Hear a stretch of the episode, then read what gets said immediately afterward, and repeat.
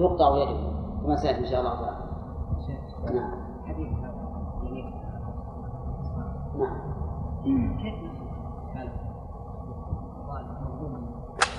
المظلوم إيه؟ إذا تحول أمام إيه؟ كيف؟ إلى هذا قصة الخصوم الحديث مو بعد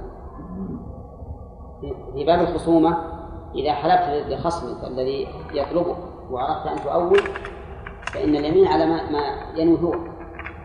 مو على ما تنوي أنت وهذا معنى حكمه عند الله وأما في الظاهر فالحاكم ما له إلا يحكم بما ظهر له. لا لا ما له. ثم قال نعم. في دليل على التاويل أي نعم. فيه مستند قصة أيوب. لأن فيه شيء من التأويل. وخذ بيدك ضغطا فاضرب به ولا تحزن. وحلف أنه يضرب امرأته امرأته مئة صوت. والضغط اللي فيه مئة شمراخ ما يعد مئة صوت لكن لفظه محتمل له. لكن لفظه محتمل له. هذه من جهة. ومن جهة أخرى عموم قول الرسول عليه الصلاة والسلام إنما الأعمال بالنيات وإنما لكل امرئ ما نوى. وكذلك حديث ركانة لو صح والله ما أردت إلا واحدة. وقال والله ما أردت إلا واحدة. المهم كل الأدلة كثيرة. نعم. قصة إبراهيم تدخل. ها؟ قصة إبراهيم مع الظالم. وكذلك قصة إبراهيم مع الظالم. يعني فيها تأويلا. إيه. ثم قال باب الشك في الطلاق. الشك في الطلاق يعني في وقوعه. وهل أوقعه؟ وهل وجد شرطه؟ فالشك يتضمن ثلاثة أمور الشك في الطلاق. هل أوقعه أو لا؟ هل وقع أو لا؟ هل وجد شرطه أم لم يوجد؟ كل ذلك شك بالطلاق والشك في الطلاق لا عبرة به. لأن الأصل الأصل بقاء النكاح. ودليل ذلك حديث عبد الله بن زيد في الرجل يخيل إليه أنه يجد الشيء في الصلاة فقال النبي عليه الصلاة والسلام لا ينصرف حتى يسمع صوتا أو يجد ريحا فالأصل بقاء طهارته إلا بدليل. هذا هذا من, من السنة. وأيضا من النظر أن الأصل بقاء ما كان على مكان. الأصل بقاء ما كان على مكان حتى يثبت ذلك. ولهذا قال الله عز وجل فإذا دفعتم إليهم أموالهم فأشهدوا عليهم. لأنك لو لم تشهد للزمك المال لأن الأصل بقاؤه وعدم دفعه. والله أعلم.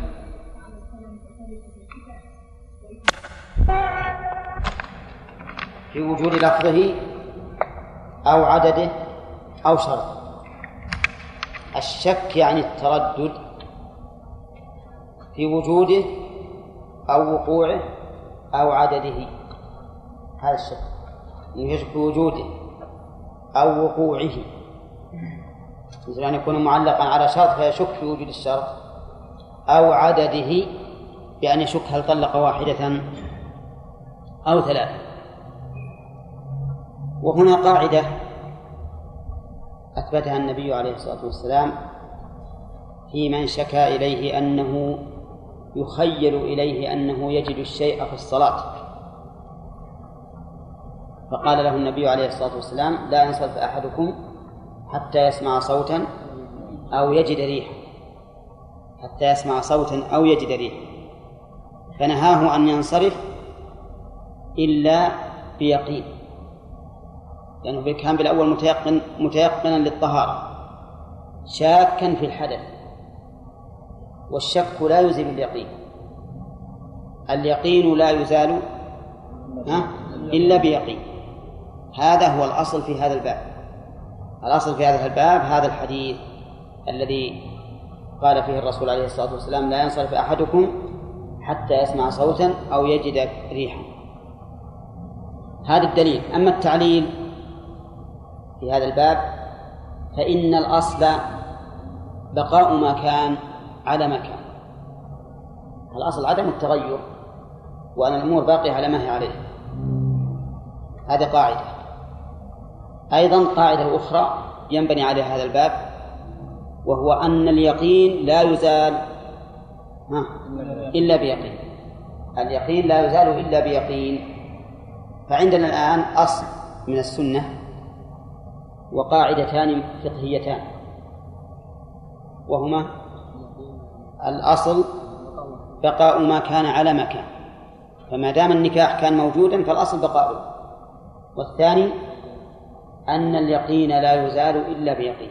اليقين لا يزال إلا بيقين. بناء على هذا يقول المؤلف من شك في طلاق لم يلزم شك في طلاق فإنه لا يلزمه. كيف شك فيه؟ يعني قال والله إني ما أدري هو طلقت زوجتي ولا ما طلقتها يلزمه الطلاق؟ لا. الدليل؟ الحديث. والتعليل بالقاعدتين الفقهيتين. إن الأصل عدم الطلاق. الأصل عدم الطلاق وأن النكاح المتيقن باق على اليقين. فلا يزال بالشك. وهذا نسأل الله السلامة يبتلى به بعض الناس فيحصل عنده وسواس في طلاق زوجته. حتى إن بعض الناس اللهم عافنا يقول إني قلت إن فتحت الكتاب فزوجتي طالق. ثم إذا فتحها قال لا أخاف إني قلت إن لم أفتحه فزوجتي طالق. كل ما حصل عندنا شيء قال إني قد علقت طلاق زوجتي على هذا الشيء.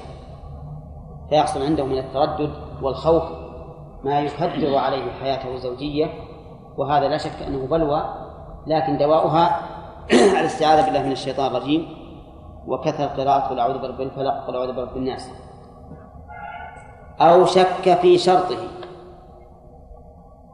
شك في شرط الطلاق. هل وقع؟ أو لم يقع. مو هو بشك هل شرط أم لم يشترط. لو لو تيقن أنه طلق لكن شك هل شرط أم لم يشترط.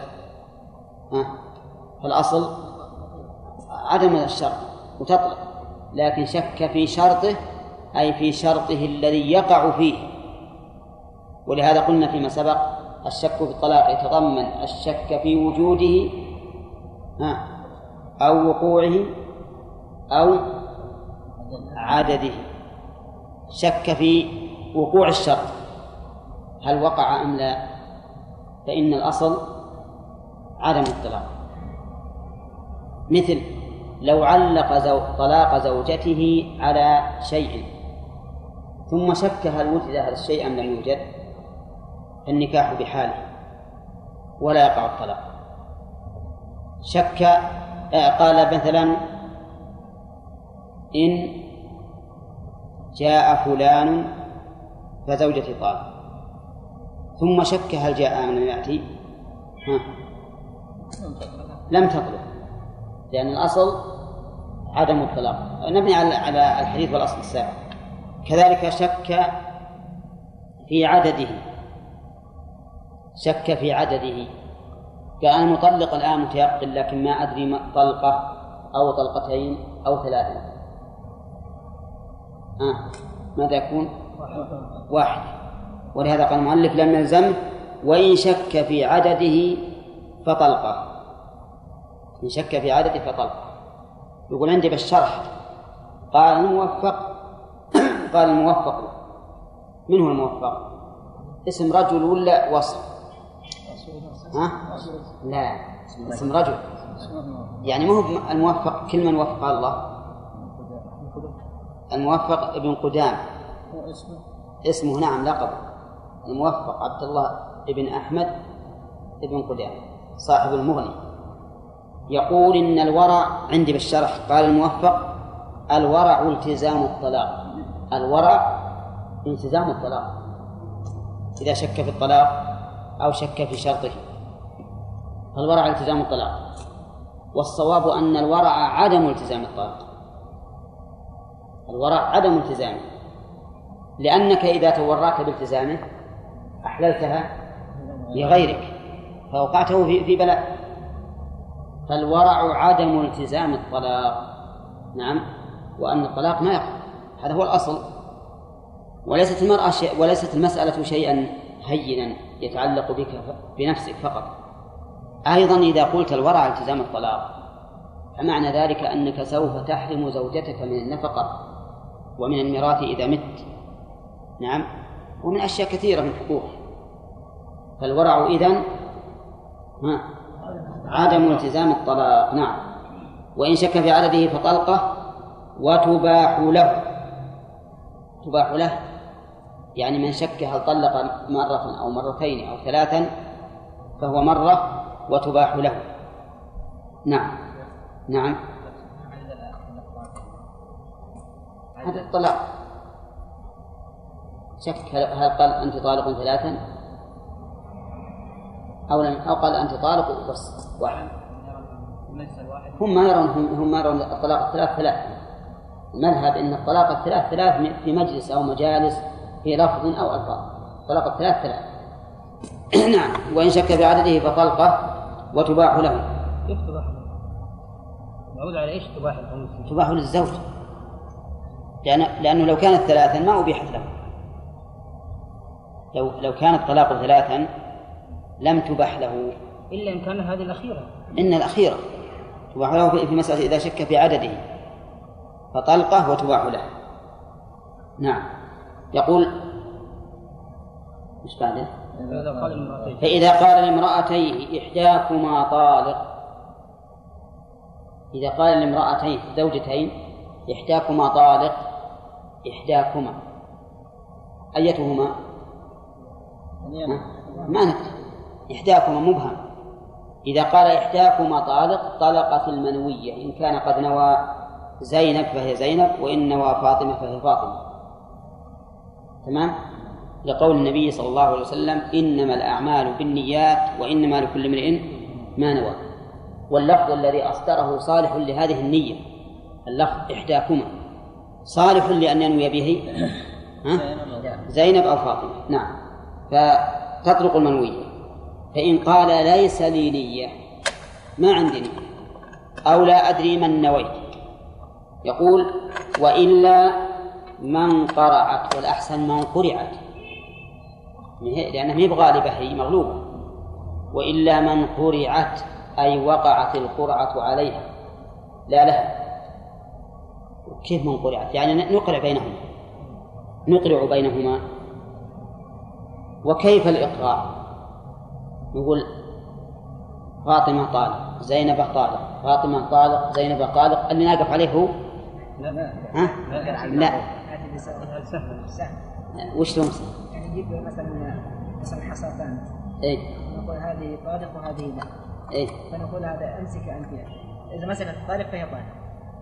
واذا مسكت غير طالق فهي غير طيب وين ادعت قالت هذه أنتم الحصاد ذيك لا تقول اسمك أحسن شيء نعم. الحصى يمكن يقع فيه اشتباه. يقع فيه اشتباه. ولكن أحسن شيء يكتب الاسم. أو يكتب وحده طالق الورقة وحده ما فيها طالق ولا ما فيها كتاب. وت- وت- وتعطى واحدة منهم يعني قال خذها فاللي تاخذ ال- اللي فيها الطلاق تطلق. والثانية لا تطلق. كان هذا غير. كيف؟ غير؟ مثلا نقرأ في حضرتهم إيه. أقول أنا آخذ عنهم. هذه أقول هذه لزينب وهذه لفاطمة. إن وكلنه لا بأس. إن وكلنه لا بأس. طيب هل القرعة حكم شرعي؟ نعم. القرعة حكم شرعي. ثبتت في القرآن في موضعين. وثبتت في السنة في ستة مواضع. والقرعة ثابتة في تمييز كل حقين متساويين. كل حقين متساويين ما, ي... ما لا... لا تمييز بينهما فطريق التمييز هو القرآن. في القرآن وردت في موضعين. الموضع الأول غانم. نعم.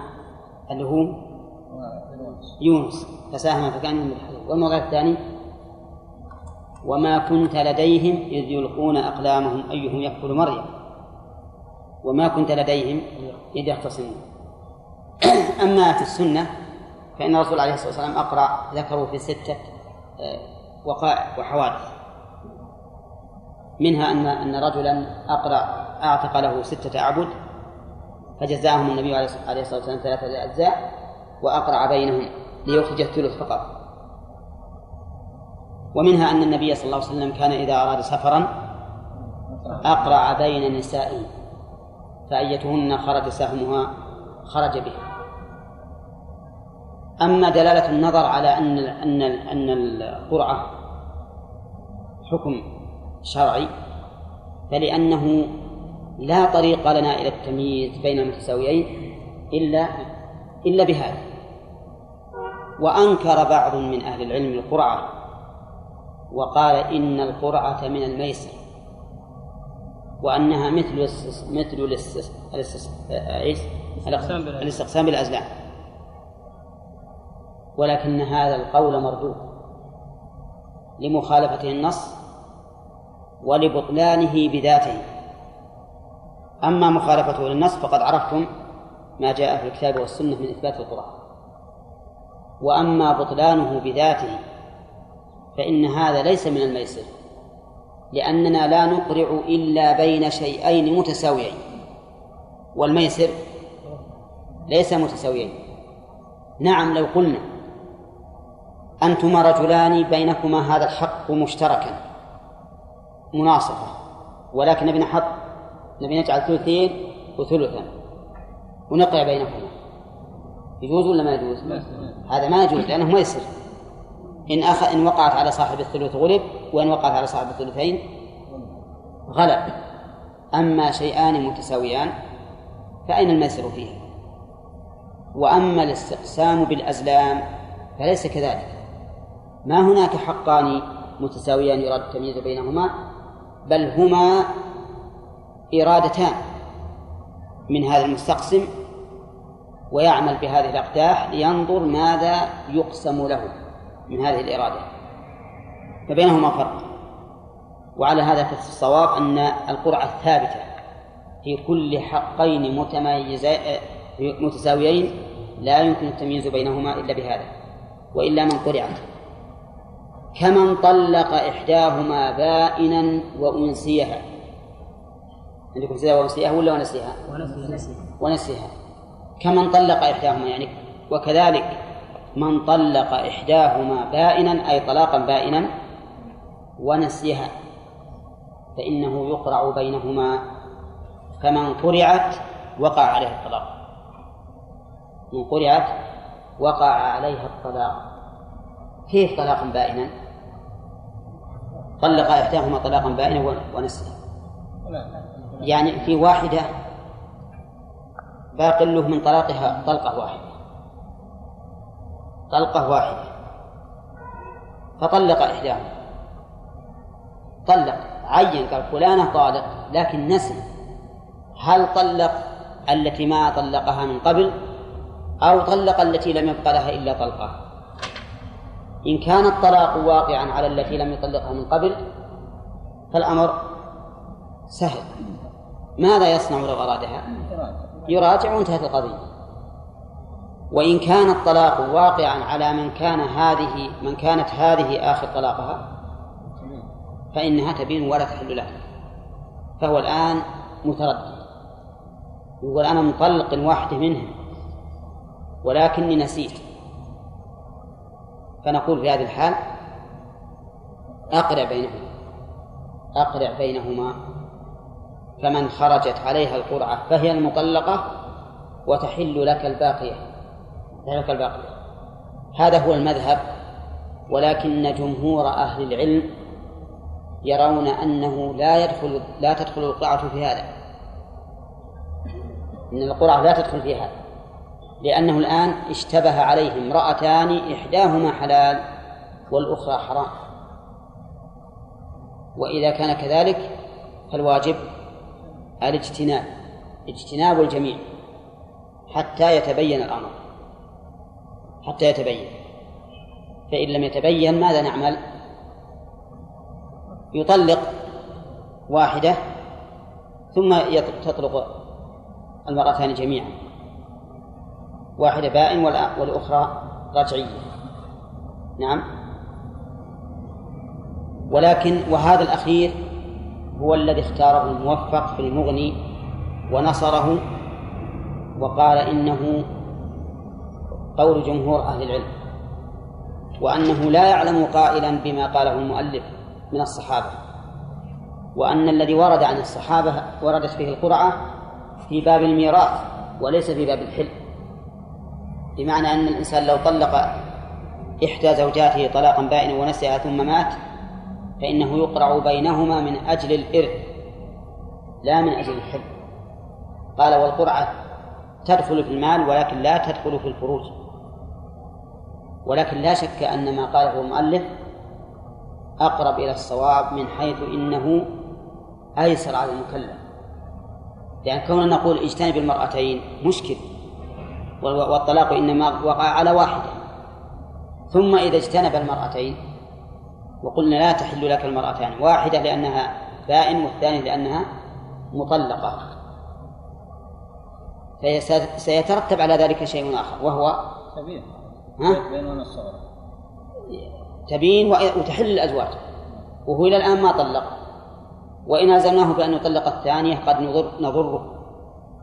وطلق الثانية اللي ما حتى تقطع الشك ففي هذا إضرار عليه. فالصواب ما قاله المؤلف أنه يقرع بينهما فمن خرجت عليه القرعة فهي الطالق فهي الطالق وتبقى المرأة الثانية زوجة له. نعم. وله منع فيه لأن هذا فوق كيف؟ أقول له منع فيه نقول الطلاق لا وإن تبين أن المطلقة غير التي قرعت ردت إليه. ما لم؟ تتزوج أو تكن القرعة بحاكم. إن تبين أن المطلقة غير التي قرعت. يعني أنا قرانا بين فاطمة وزينب ووقعت القرعة على زينب وقلنا يلا مع السلامة. تبين أن المطلقة غير التي قرعت. أن المطلقة من؟ فاطمة. فإنها ترد إليه. من هي؟ زينب. الأولى زينب. ترد إليه لأنه تبين أنه أنها ليست هي المطلقة. والقرعة إنما هي لحل مشكل. ما لنا منه مخرج. فإذا تبين لنا منه مخرج رجعنا إلى ما تبين. إلا في حالين. إذا تزوجت التي قرعت أو كانت القرعة بحكم حاكم. لماذا؟ لأنها إذا تزوجت إذا تزوجت فإن إقراره بأنها هي المطلقة. يكون فيه إبطال لحق الزوج الجديد. يعني هو عقب ما تزوجت وأقرعنا وتزوجت المقروعة. قال أنا الآن ذكرت ذكرت أن المقروعة هي التي لم يقع عليها الطلاق وأن التي عندي الآن هي التي أنا طلقت. وهذا يمكن ولا لا؟ يمكن. نقول الآن ما نقبل منك هذا الشيء. لماذا يا جماعة؟ ماذا نجيبه؟ لأنك الآن تريد أن تبطل حق الزوج الجديد. وإبطالك لحق الزوج الجديد ما يمكن نقبله. وعلم من قول المؤلف لأن في ذلك علم من التعليل قصد علم من التعليل أن الزوج الثاني لو صدقه. قال نعم أنا أنا أثق بهذا الرجل. أثق به. وأن التي طلق وأن التي وقع عليها الطلاق هي التي عنده. وأن هذه لم يقع عليها طلاق فهل ينفسخ النكاح؟ الجواب نعم. لأن الزوجة الثانية بتصديقه للزوج الأول يستل... تصديق لأن تصديقه للزوج الأول يستلزم إقراره ببطلان ها؟ النكاح. ولا لا؟ وأظن عبد الله إلى الآن ما فهم. طيب. المثال مرة ثانية. فاطمة وزينب طلق إحداهما ونسيها وأقرعنا بينهما فوقعت القرعة على زينب. وقلنا امشي. أنت مطلقة. فاطمة عند الزوجة. ثم إن زينب تزوجت رجلا آخر بعد انقضاء عدته وبعد ذلك تذكر زوجها أن المطلقة هي التي عنده وهي فاطمة وأن هذه لم لم تطلق وإن كانت القرعة وقعت عليه فنقول له كلامك مقبول ولا لا؟ غير مقبول الآن. لأن كلامك يستلزم بطلان حق الزوج. ثاني وأنت غير مقبول على غيرك. أقول علم من هذا التعليل أن الزوج الثاني لو صدقه. وقال نعم أنا أثق من هذا الرجل وأن المطلقة هي زينب لا فاطمة. فمقتضى هذا التعليل الذي قلنا ها؟ فاطمة لا زينب. آه أن المطلقة نعم فاطمة لا زينب. فمقتضى هذا التعليل أن النكاح يبطل. لماذا؟ لأن إقراره بصدق الزوج يستلزم إبطال إبطال نكاحه هذا معنى قوله ما لم تتزوج. أو تكون القرعة بحاكم. حاكم من الحاكم؟ القاضي.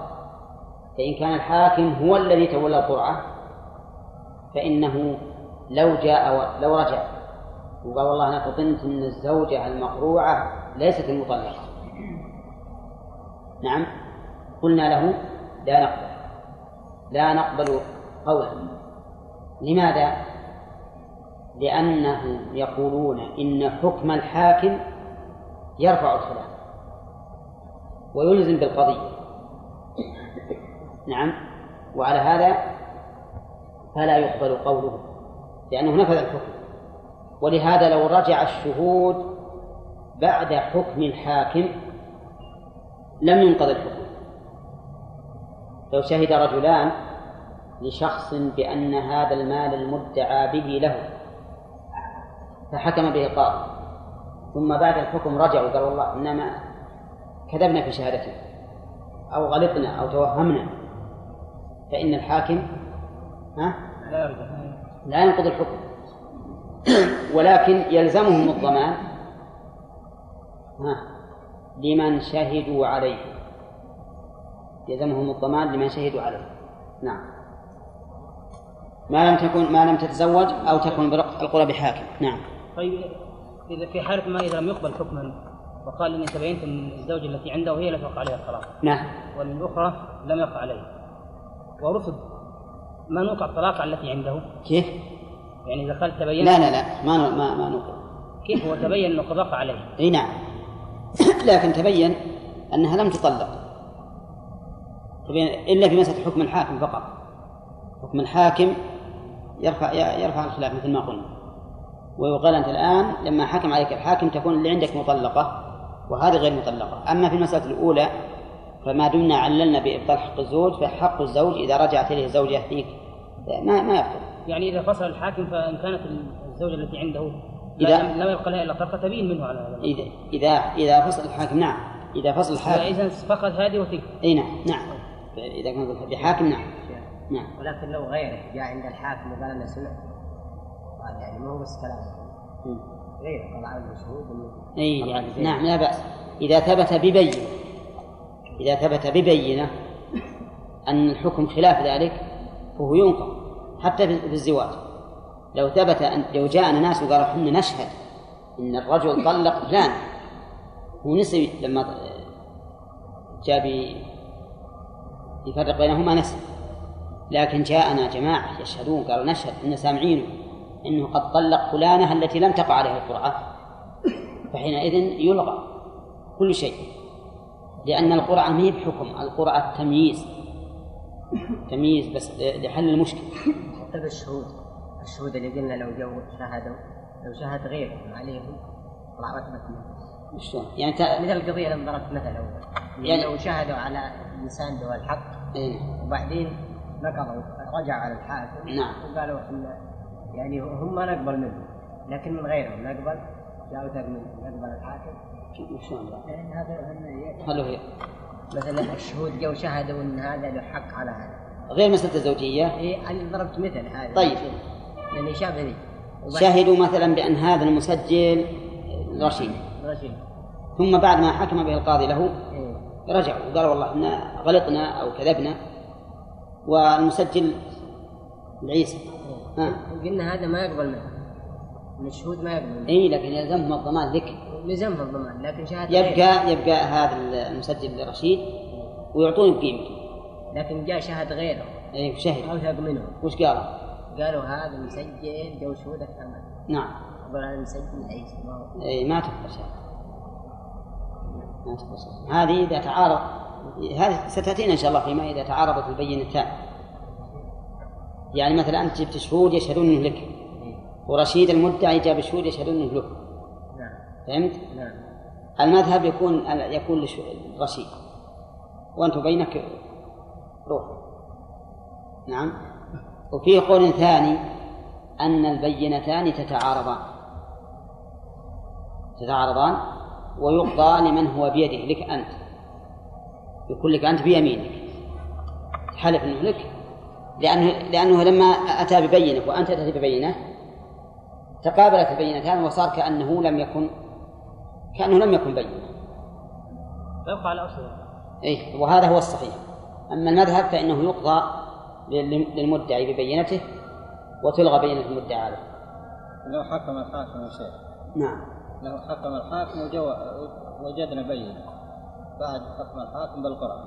قضية إيه. قضية عيسى ولا بقضية الزوجتين؟ كنا زوجتين. نعم. آه، أقرع بين الحاكم. نعم. وجانا بينة بعد وجان البينة ينقض حكم الحاكم. ها؟ ينقض حكم الحاكم.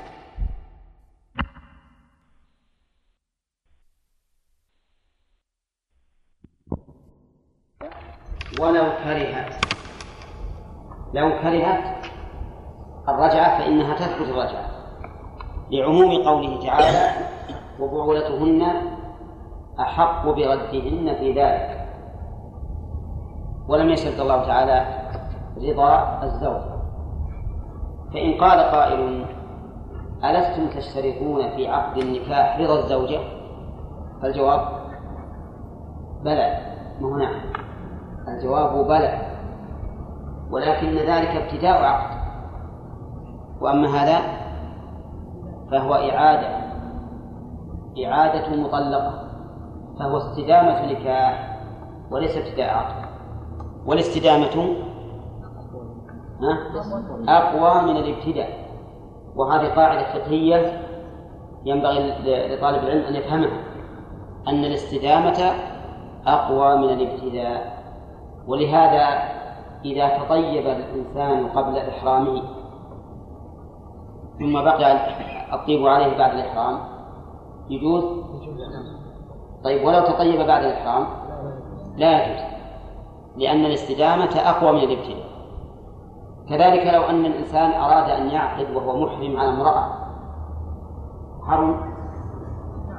ها؟ ولو راجع امرأة مطلقة وهو محرم يجوز. لأن الاستدامة أقوى من الابتداء فنقول إذن قول المؤلف ولو كرهت مع أنه اشترط الرضا في عقد النكاح لأن هذا استدامة وهو إيش؟ أقوى من الابتداء ولهذا ما يشترط فيه ولي ولا يشترط فيه شهود. نعم. ولو كرهت أما صيغة المراجعة فقال بلفظ راجعت امرأتي بلفظ. أفادنا المؤلف رحمه الله بقوله بلفظ أن الرجعة لا تحصل بالنية.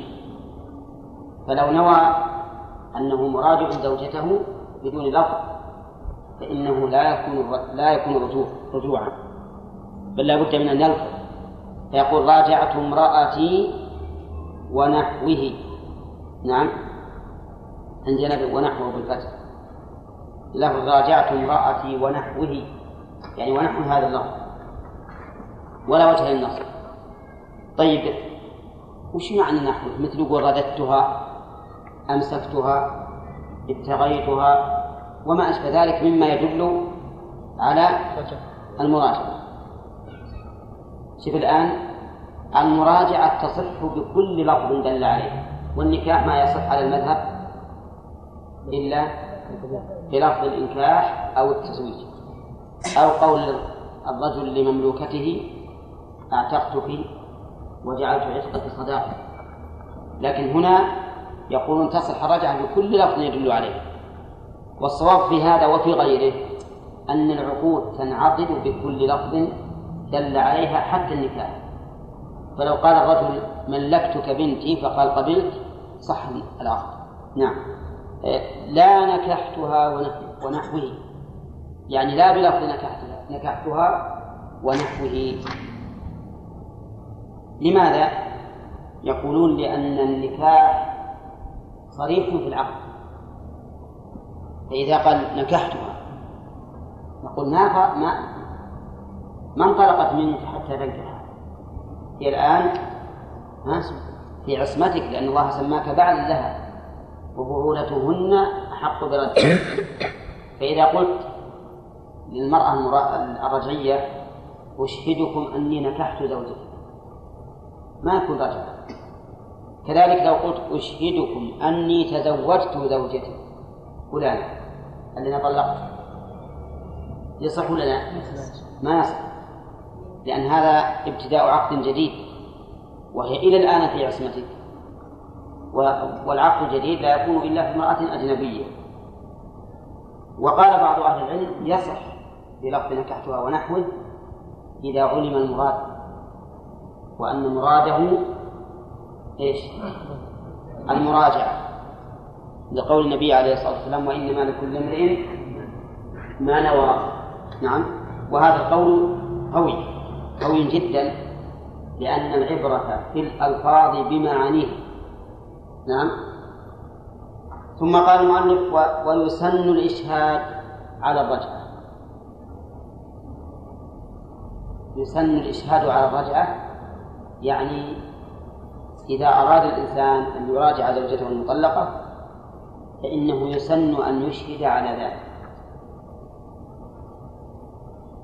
وظاهر كلام المؤلف مطلقا سواء واجهها بالمراجعة أم لم يواجهها فإنه يشهد لقوله تعالى فإذا بلغن أجلهن فأمسكوهن بمعروف أو فارقوهن بمعروف وأشهدوا ذوي عدل منكم. وقيل إن الإشهاد واجب لأن الله أمر به في قوله وأشهدوا. فيجب أن أن يشهد. ويحتمل أن يقال في هذا تفصيل إن راجعها بحضرتها فلا حاجة للإشهاد وإن راجعها في غيبتها وجب الإشهاد لأنه إذا رجع في غيبتها ولم يشهد ربما إيش؟ تنكر. تقول أبد ما رجع يعني يعلمها يخبرها بالمراجعة بعد انتهاء العدة ثم تقول إنك لم تراجع وحينئذ يقع يقع الإشكال. لأن ليست المسألة إذا قالت إنك لم تراجع أنها تحرمه من المراجعة. المشكلة أنها تحل لغيره وهي وهي ما زالت بعصمته فالصواب أن نقول إنه إذا راجع بدون أن نواجهها بالمراجعة فإن الإشهاد واجب. والعلة في ذلك لأنه قد لا يخبرها إلا بعد بعد انتهاء العدة وتنكر المراجعة فيحصل في هذا إشكال. فيكون في ذلك تفصيل. يقول المؤلف نعم. ظاهر الأمر الوجوب لكنه إذا حصل المقصود من الإشهاد حتى لا يحصل الخلاف. طيب تحصل المراجعة أيضا في وضعها يعني المراجعة لها صيغتان. الصيغة الأولى قولية بأن يقول راجعت الصيغة الثانية فعلية بأن يجامعها فإذا جامعها حصلت الرجعة. وظاهر كلام المؤلف أن الرجعة تحصل بالمجامعة سواء نوى بها الرجعة أم لم ينوي يعني مثل رجل يطلق امرأته طلاقا رجعيا فدخل عليها يوم من الأيام فجامعها يقول الفقهاء رحمهم الله إنه إذا جامعها نعم عادت إلى عصمته ولو لم ينوي المراجعة. وتعليلهم يقولون لأنه استباح منها ما لا يباح ها؟ إلا للزوج. فإذا استباح منها ما لا يباح إلا للزوج إلا للزوج فمعنى ذلك أنه راجعها بأجمعين هذاك ما يصل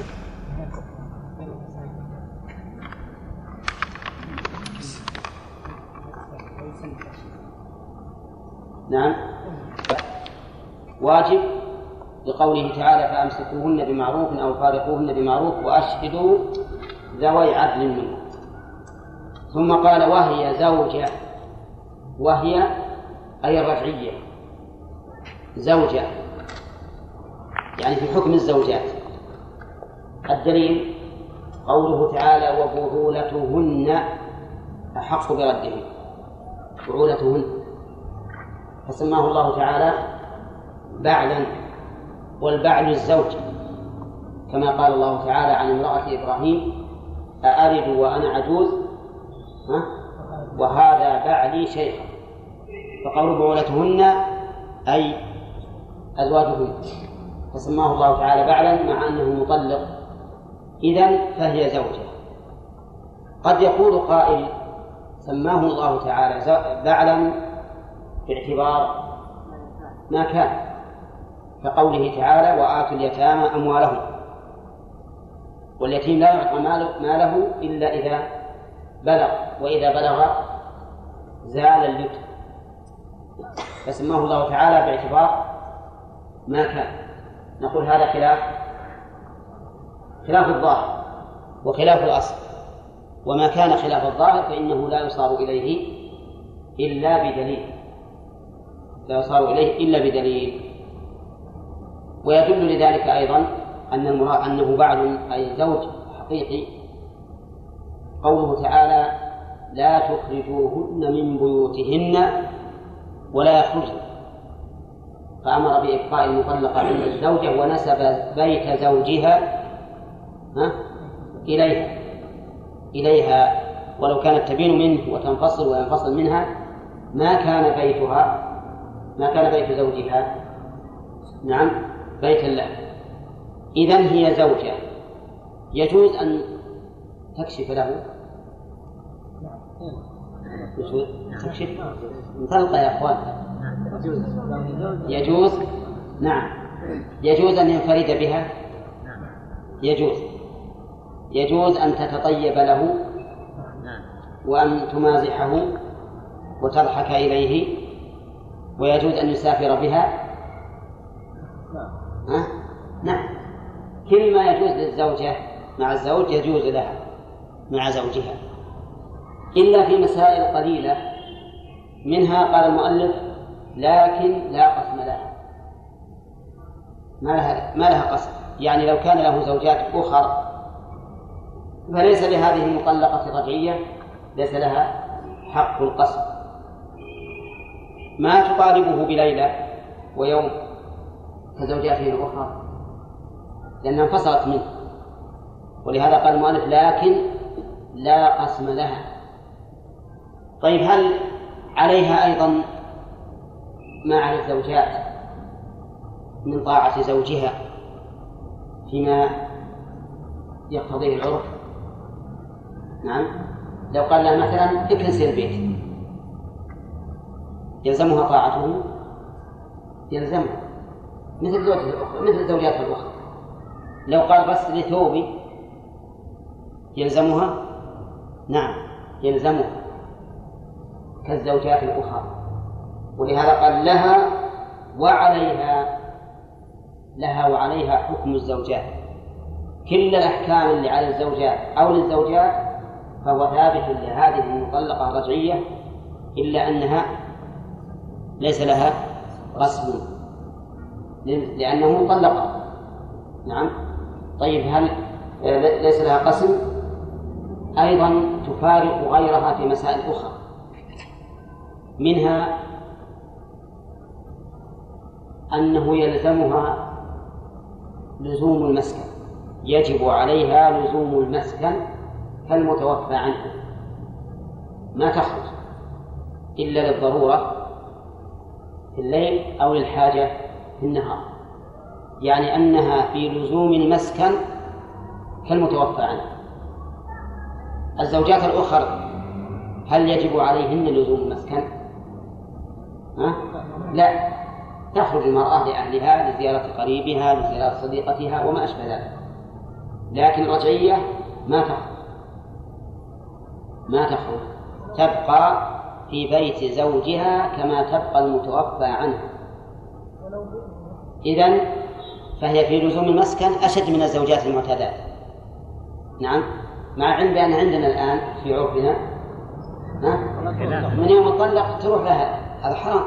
ما يجوز. الدليل قوله تعالى لا تخرجوهن من بيوتهن ولا يخرجن ولا يخرجن إلا أن يأتين بفاحشة مبينة. وعلى هذا فتفارق الزوجات أيضا في لزوم قولوا يا جماعة. في لزوم المسكن. ما تخرج. لا ليلا ولا نهارا من بيته حتى تنتهي العدة. ها؟ حتى بإذنه ما, ما ولو بإذنه ما تخرج حتى تنتهي العدة. نعم إلا إذا كان هناك حاجة في النهار أو ضرورة في الليل. هذا هو هذا هو المذهب. والقول الثاني أنها أنه لا يلزمها لزوم المسكن بل هي كالزوجات الأخرى. لأن الله تعالى سماه بعلا أي زوجا. فهي إذن زوجة. والزوجة كغيرها ما دام الزوجة الآن فهي كغيرها من الزوجات تخرج من البيت ليلا ونهارا و ولا ولا تلزم السكن. فأما ما استدلوا به من قوله تعالى ولا يخرجن فالمراد لا خروج مفارقة. لا يخرجن خروج مفارقة. ليس المراد خروج لأي سبب. وهذا القول هو الصحيح. لكن نحن نريد أن نبين المذهب أنها تفارق الزوجات في غير ما ذكروا هنا لا بالقصد المسألة الثالثة مما تفارق به الزوجات أنه سيأتينا إن شاء الله تعالى في الحضانة. أن المرأة إذا تزوجت سقطت حضانتها لأولادها. تسقط حضانتها لأولادها. فاهمين الموضوع؟ ها؟ إيه؟ إذا تزوجت سقطت حضانتها لأولادها يعني مثلا إنسان طلق زوجته وله منها أولاد من أحق الناس بحضانتهم؟ الأم حتى يبلغوا سبع سنين لكن إذا تزوجت سقطت حضانتها ورجعوا إلى أبيهم الأولاد إلا أنها إذا طلقت ولو طلاقا رجعيا فإن الأولاد يعودون إليها. يعودون إليها.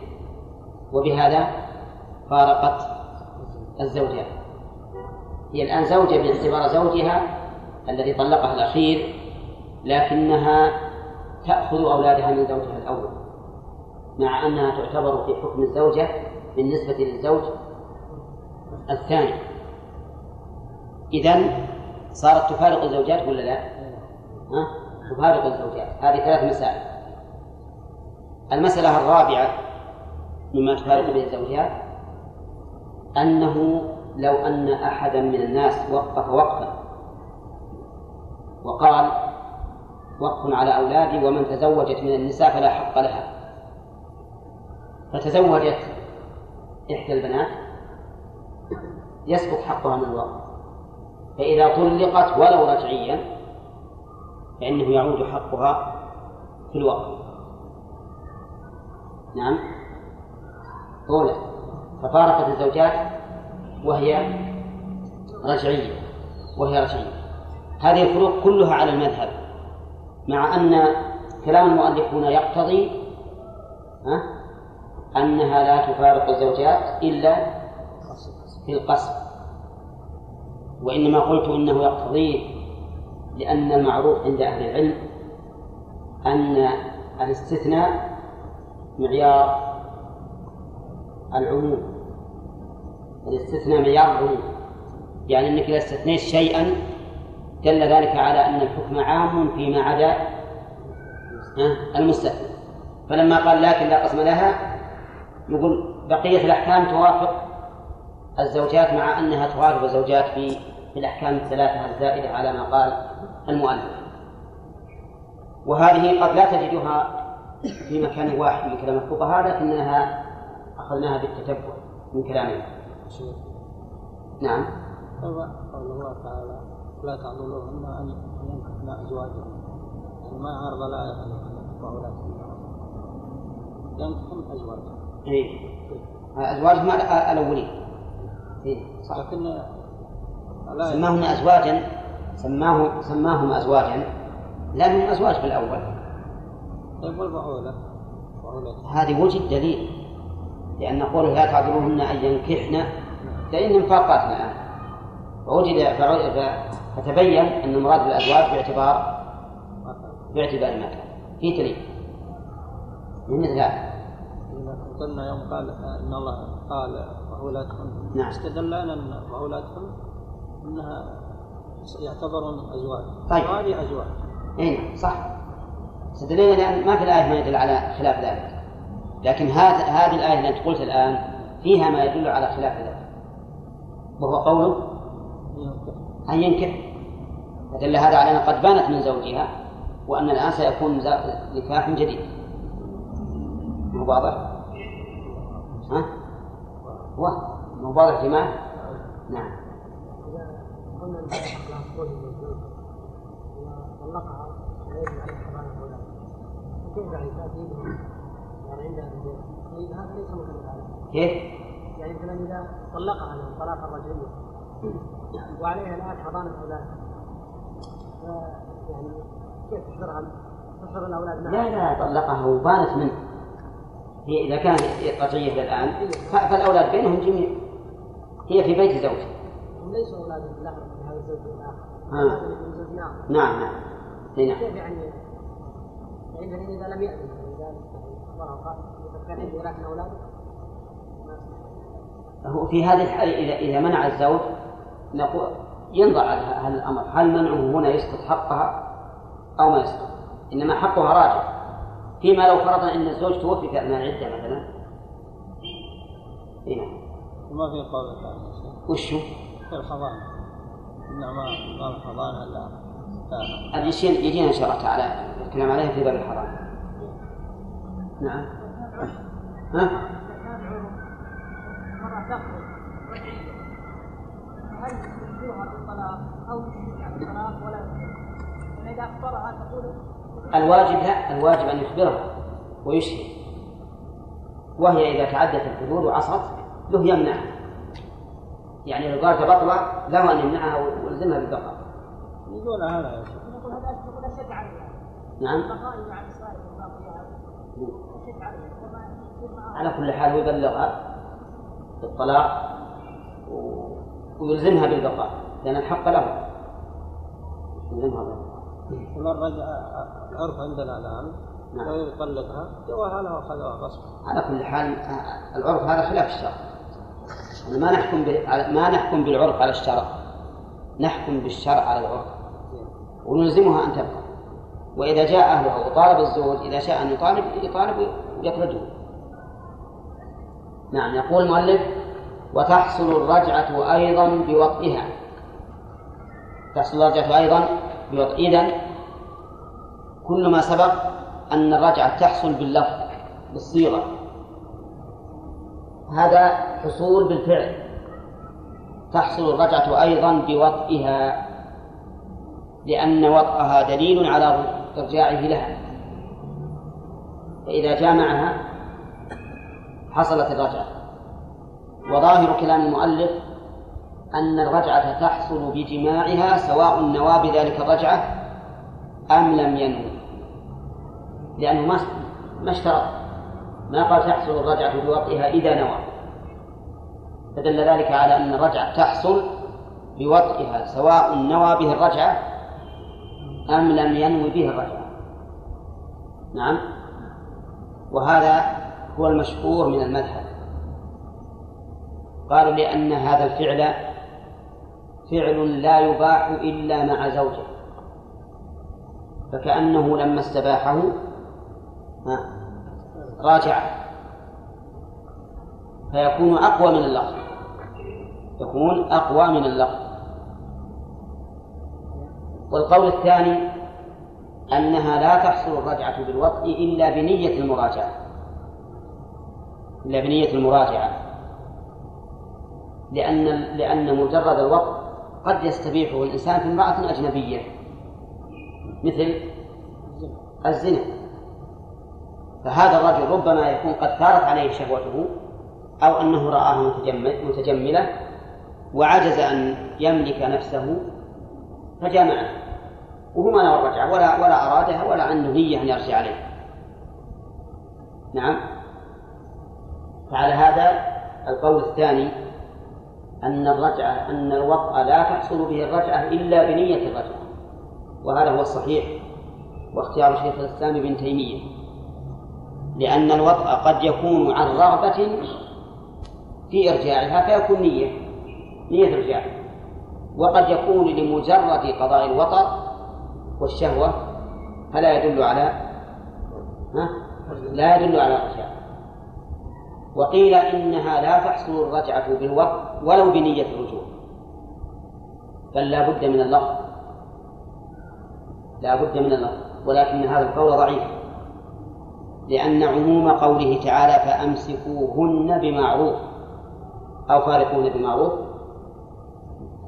عام. فكل ما يدل على الإمساك. نعم. فإنه يحصل به الإمساك. قد يقول قائل إن الله قال وأشهدوا ذوي عدل منكم والإشهاد ما يمكن على الجماع. فيقال بل يمكن. يمكن أن يقول الاثنين إنه راجع إنه جامعها بنية المراجعة فيكون ذلك إشهادا وش عليه؟ على الإمساك فالصواب أنه لا يحصل لا أن الرجعة لا تحصل بمجرد الوقت إلا إذا كان من نيته أنه ردها وأنه استباحها على أنها زوجة فإذا كان كذلك فهذه مراجعة لكن على هذا القول لو أنه جامعها بغير نية الوجود. وأتت بولد من هذا الجماع فهل يكون ولدا له؟ الجواب نعم. يكون ولدا له. لأن هذا الوطي وطئ شبهة لأنها زوجته إلى الآن ما بعد خارج من عدته ولا يحد عليه حد الزنا. وإنما يعزر عليه تعزيرا هذا إذا قلنا بأن الرجعة لا تحصل بالوقت المجرد. وتحصل أيضا بوضعها. قال ولا تصح معلقة بشرط. لا تصح الضمير يعود على إيش؟ ها؟ ولا تصح الرجعة. لا معنى في الرجعة. لا تصح معلقة بشرط. مثل أن يقول إذا جاء الشهر الفلاني فقد راجعته أو يقول إذا حضت الحيضة الثانية فقد راجعته هذا لا يصح. لماذا؟ يقولون لأن هذا لا يدل على الرغبة الأكيدة برجوعه ولأنه رجوع يشترط تنجيزه. فلا يصح معلقا. ولكن هذا التعليل كما ترون عليل. فكونه فكوننا نقول في التعليل إنه إرجاع يشترط تنجيزه هذا تعليل للحكم. بالحكم تعليل للحكم بالحكم فلا يقبل. هذا مثل ما لو قلت يحرم كذا وكذا لأنه يحرم هل يكون هذه علة؟ ها؟ لو قلت يجب على الإنسان أن يصلي مع الجماعة الدليل لأنه يجب أن يصلي مع الجماعة هذا دليل ها؟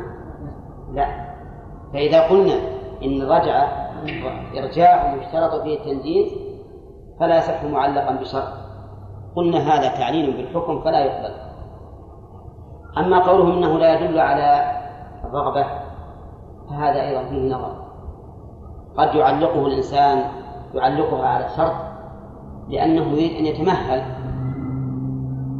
مثل أن يقول لها وهو غرض صحيح إن لم ترجع زوجتي علي ومتى طلق زوجته الأخيرة؟ لأن زوجته معيان زعلت.